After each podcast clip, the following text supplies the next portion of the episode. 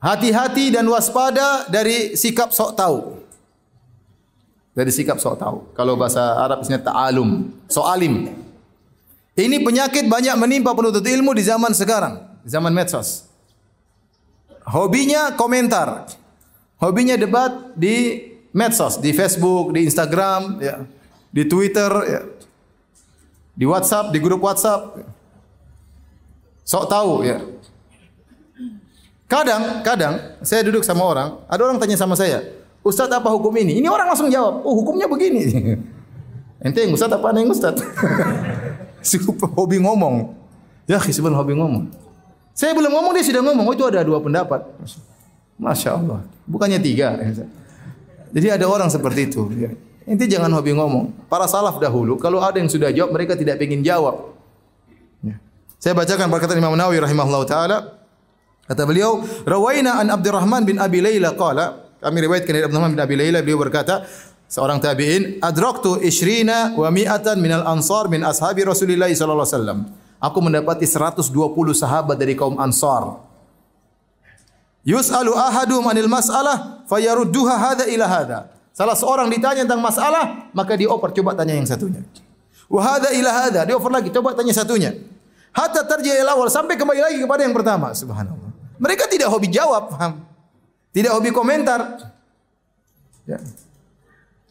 Karena mereka tahu bahwasanya berfatwa itu perkara berat di sisi Allah Subhanahu wa taala. Imam Ibnu Qayyim punya buku namanya I'lamul Muwaqqi'in. Ya.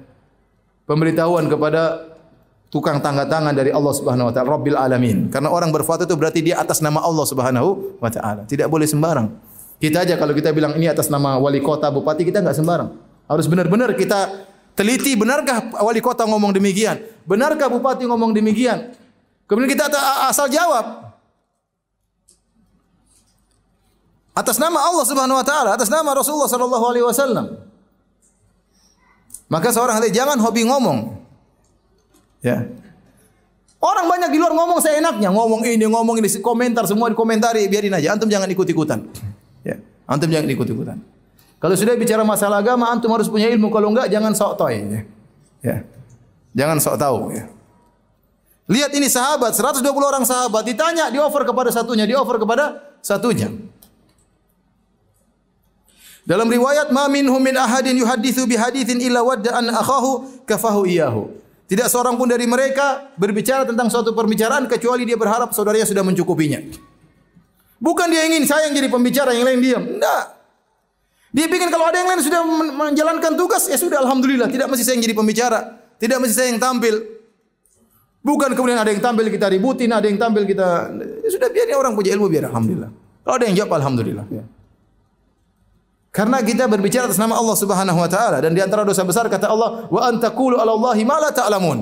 Kau berbicara tentang Allah apa yang kau tidak punya ilmu tentangnya. Maka para ulama mengingatkan, terkadang terkadang saya sebagai ustaz ditanya oleh orang, saya kasihan sama orang ini. Kalau saya tidak jawab, repot dia. Dan dia mau tanya kepada siapa? Dia enggak mungkin tanya ulama di Madinah, tanya, mungkin tanya ulama, dia enggak tahu bahasa Arab ya. Mungkin dia ketemu dengan ustaz sekali ini, entah kapan mau ketemu lagi, masalahnya mendesak. Kadang saya kasihan, saya mau jawab. Kasihan dia kalau tapi saya tidak tahu jawabannya mau diapain. Kita ingin menyelamatkan dia, tapi ingat kita juga ingin selamat di akhirat. Jangan sampai karena kita kasihan dia selamat. Sudah boleh, boleh, boleh. Santai, boleh. Terus kita enggak selamat di akhirat, musibah. Ya. Oleh karenanya saya hati-hatilah jangan terlalu banyak ngomong, antum terlalu banyak apa? ngomong. Jangan terlalu banyak apa? komentar ya. Kalau enggak tahu enggak usah jawab ya.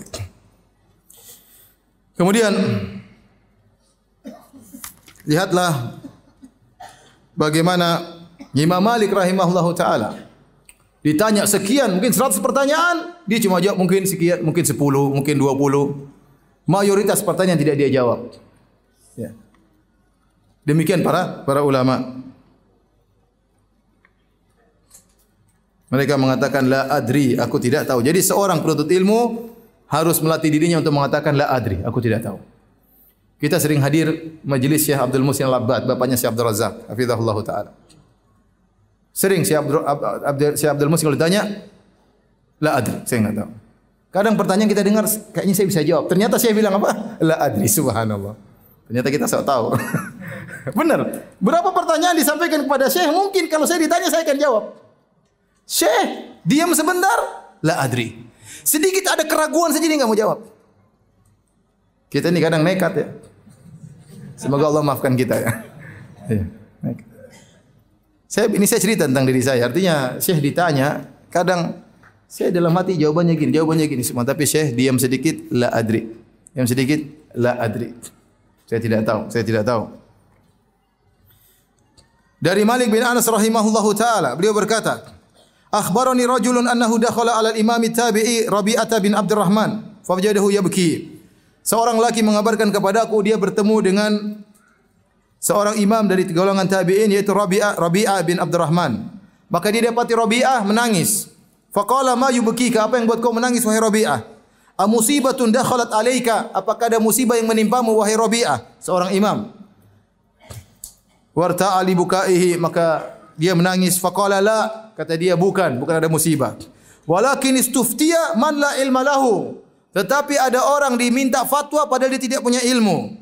Wa dhahara fil islami amrun azim dan nampak dalam Islam perkara yang besar. La ba'dhu man yuftiha huna ahaqqu bil habsi min asraq. Sungguh sebagian orang yang berfatwa sekarang di sini lebih utama dipenjarakan daripada para pencuri.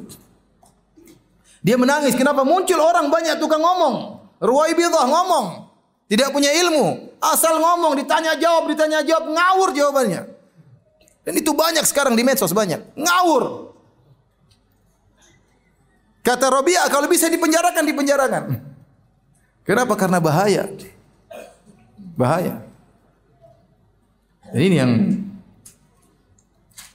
kita saja sekelas ustaz tidak boleh sembarang jawab. Terkadang kita harus diskusikan sama kawan-kawan. Terkadang perdebatan bisa sejam dua jam satu masalah. Kim satu orang hmm, haram boleh haram boleh. Maka seorang harus melatih diri untuk mengatakan saya tidak tidak tahu. Kalau tidak tahu bilang tidak tahu. Kalau bilang saya belum pernah baca, bilang saya belum pernah baca. Jangan sok tahu. Oh ini masalah harus dimurojaah kembali. Padahal belum baca. Ya akhi subhanallah. Ini ada khilaf. Padahal dia belum baca ada khilaf. Mana pendapat A B dia enggak tahu. Ya ada khilaf. Wallah alam. Seakan-akan dia sudah pernah baca. Padahal belum baca. Maka seorang tahu diri. Ya. Antum lebih selamat tidak usah banyak apa? Ngomong. Ini harus diperhatikan.